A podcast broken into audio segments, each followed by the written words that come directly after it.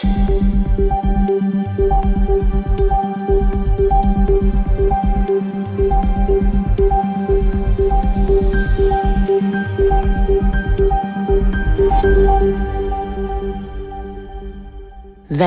tilbake til Krimnytt, en podkast for deg som ønsker å følge med på aktuelle true crime-saker. Vanligvis så drar vi til USA for å hente de mest ekstreme sakene innen true crime. Men de siste månedene så har det vært flere drap i Norge. Så i denne episoden så skal vi holde oss til hjemlandet. Og før vi starter episoden, så vil jeg minne om at Krimnytt er ikke ment for barn.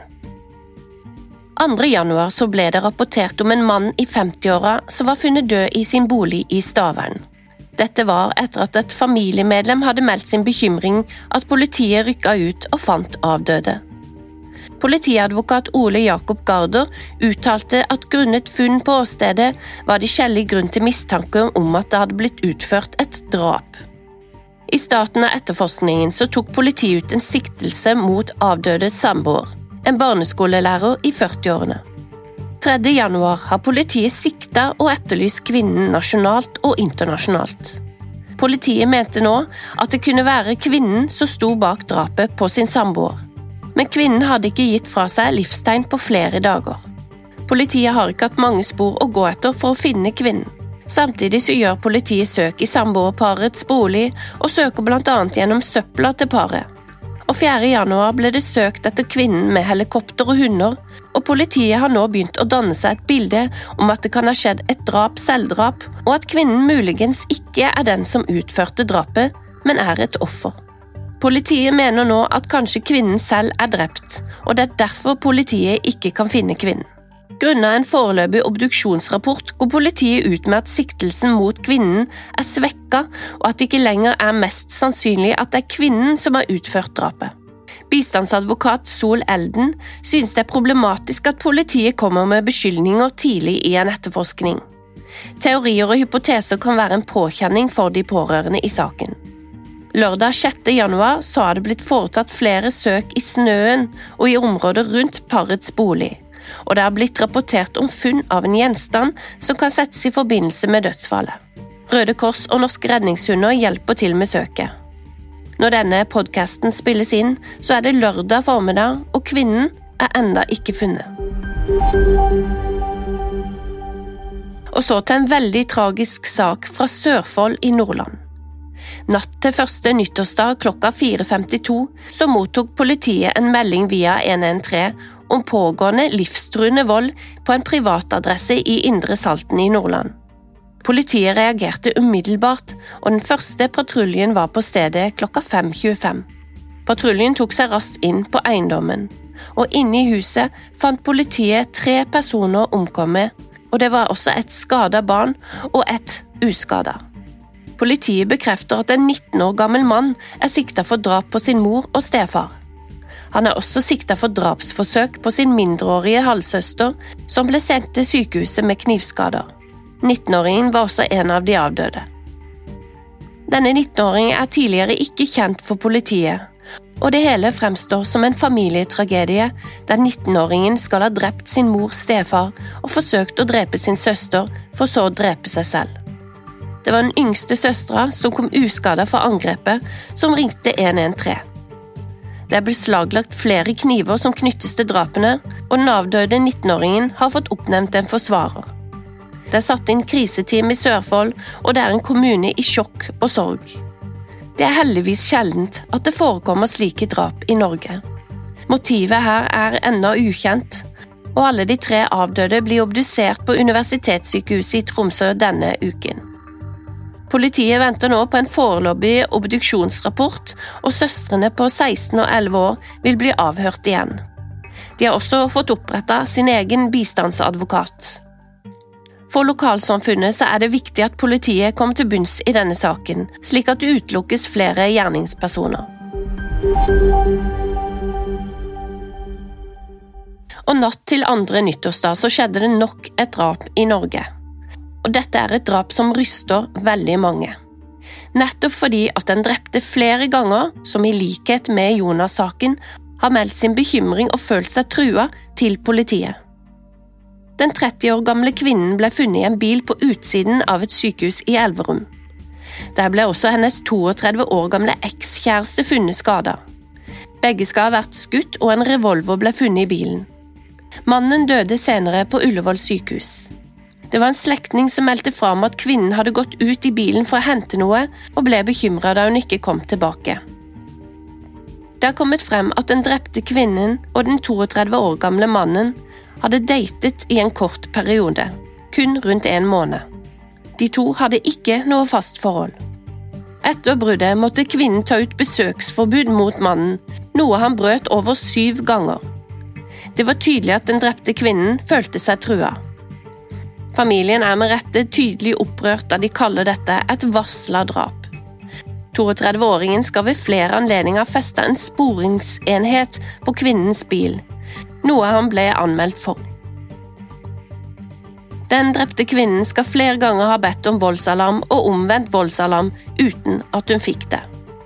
Vi håper virkelig at slike saker blir tatt mer på alvor av politiet i fremtiden. Før jul så var det også et drap som kan minne om svenske tilstander i Norge. 22. desember ble Faridullah Ramani, 26 år gammel, knivstukket inne på en rutebuss i Bærum. En 14-årig gutt står bak knivstikkingen. Det har kommet frem fra 14-åringens advokat at han gikk med kniv for å beskytte seg selv. Tenåringen tilhørte et miljø der dette ikke er uvanlig, og hadde tidligere blitt skremt av voldshendelser. Det er også kommet frem at det var en konflikt mellom avdøde og 14-åringen på bussen. Det skal ha dreid seg om en film avdøde hadde tatt på bussen, og siktede og kameraten prøvde å få tak i telefonen og slette denne. 14-åringen hevder at avdøde skal ha virka truende. Etter drapet har det vært mange drapstrusler mellom ulike miljø som siktede og avdøde skal ha vært en del av. Det undersøkes nå om 14-åringen har vært tilregnelig ved gjerningsøyeblikket. Til slutt i dag så skal vi oppdatere litt i Jonas-saken.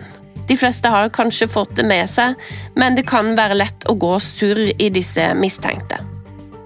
Det var altså ved en hytte i Nes på Ringerike 17. august i fjor at 30 år gamle Jonas Henriksen ble funnet skutt og drept i bilen sin.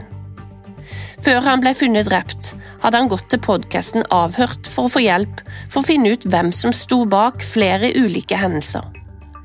Det gjaldt bl.a. en voldshendelse, tagging av Tyster-Jonas rundt i Hønefoss, og også biler som Jonas eide var både skutt på og påtent. Det var gått så langt at Jonas frykta for sitt eget liv, og politiet gjorde ikke nok for å hjelpe. Nå har politiet tatt kritikk på at de ikke satte disse hendelsene sammen, og at de ikke gjorde nok for å finne ut hvem som sto bak. Etter drapet derimot har saken fått prioritering. 14. september i fjor, en måned etter drapet, ble førstemann arrestert. Denne mannen omtales som den 28 år gamle Rena-mannen. Han er tidligere straffedømt og har nekta å prate med politiet. 20. september blir en 30 år gammel mann omtalt som Elverum-mannen arrestert. Også han er tidligere straffedømt, men han nekta for at han kjente Jonas. Han er en venn av Rena-mannen. 26.9 ble den 32 år gamle Hønefoss-mannen arrestert. Han hadde tidligere vært innkalt som vitne og ble pågrepet i et nytt avhør. Også han har vært straffedømt tidligere. Hønefoss-mannen er mistenkt for taggingen i Hønefoss. Han befinner seg for tida i utlandet og vil bli pågrepet når han kommer tilbake til Norge igjen. 30.9 ble nok en mann pågrepet på en bensinstasjon i Noresund. Han blir omtalt som Noresundmannen og har tidligere vært dømt for vold mot en ekskjæreste. Noresundmannen er nær venn med Hønefossmannen. 3. oktober ble den 35 år gamle Jevnakermannen pågrepet. Han skal være en bekjent av Jonas. Alle bortsett fra mannen som oppholder seg utenlands, er sikta for drap eller medvirkning til drap. Nå er tre av de sikta løslatt, selv om siktelsen opprettholdes. Borgarting lagmannsrett vil også løslate mannen fra Rena, som de mener kan ha bestilt drapet. Dette har påtalemyndighetene anka til Høyesterett. Jeg var egentlig ferdig med denne episoden, men så dukka det opp to nye drap. Og vi kan vel strekke det så langt og si at det er en drapsbølge i Norge. Jeg personlig kan ikke huske å ha hørt om så mange drap på så kort tid. Lørdag kveld ble en kvinne funnet død på et høyfjellshotell i Gudbrandsdalen. En mann ble kort tid etter arrestert, og politiet har gått ut med at det er en relasjon mellom de to. Kvinnen og mannen skal ikke ha vært norske statsborgere, men ifølge Dagbladet skal begge ha vært ansatt på hotellet, og det står også at det ikke på tidspunktet var noen gjester boende der. Et våpen er beslaglagt, og mannen er varetektsfengsla for fire uker. Politiet har ikke gått ut med hvem som meldte inn hendelsen, og nå som vi spiller i denne episoden, så er pårørende heller ikke varsla. Kripos er kobla til saken. Og så Tidlig søndag morgen så fikk politiet i Øygarden melding om en bil som brant på et industriområde i Blomøy. Levningen av en kvinne ble funnet i bagasjerommet på bilen, og en mann ble raskt sikta og arrestert for å ha drept kvinnen. Kvinnen skal ha hatt to barn med siktede, og skal ha hatt en voldsalarm mot mannen. En av teoriene er at kvinnen kan ha blitt drept i sitt eget hjem, for å så bli lagt i bagasjerommet i bilen. Siktede har en dom fra 2010 der han skal ha trua en annen ekskjæreste. Han skal ha trua med å kutte kvinnen opp i biter, samt å legge sprengstoff under senga hennes. Han ble da dømt til å betale en bot på 9000 kroner. Mannens forsvarer Jørgen Riple forteller at mannen har innrømma skyld og er lei seg for det som skjedde. Krimnytt kommer til å følge disse sakene. Og det var alt vi hadde for denne uka. Vi er veldig takknemlige for nye lyttere som stadig kommer til. Besøk oss gjerne på Instagram under Krimnytt, og vi har også lengre episoder i Krimprat med Lisa og Fiona. Og for tida så kan du gå inn på Untold og høre om Torgersen-saken. Og vi spør oss er dette et justismord. Vi høres igjen neste tirsdag.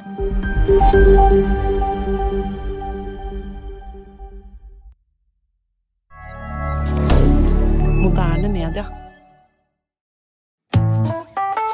Har du et enkeltpersonforetak eller en liten bedrift? Da er du sikkert lei av å høre meg snakke om hvor enkelt det er å sende faktura med fiken. Så vi gir oss her, fordi vi liker enkelt. Fiken superenkelt regnskap. Prøv gratis på fiken.no.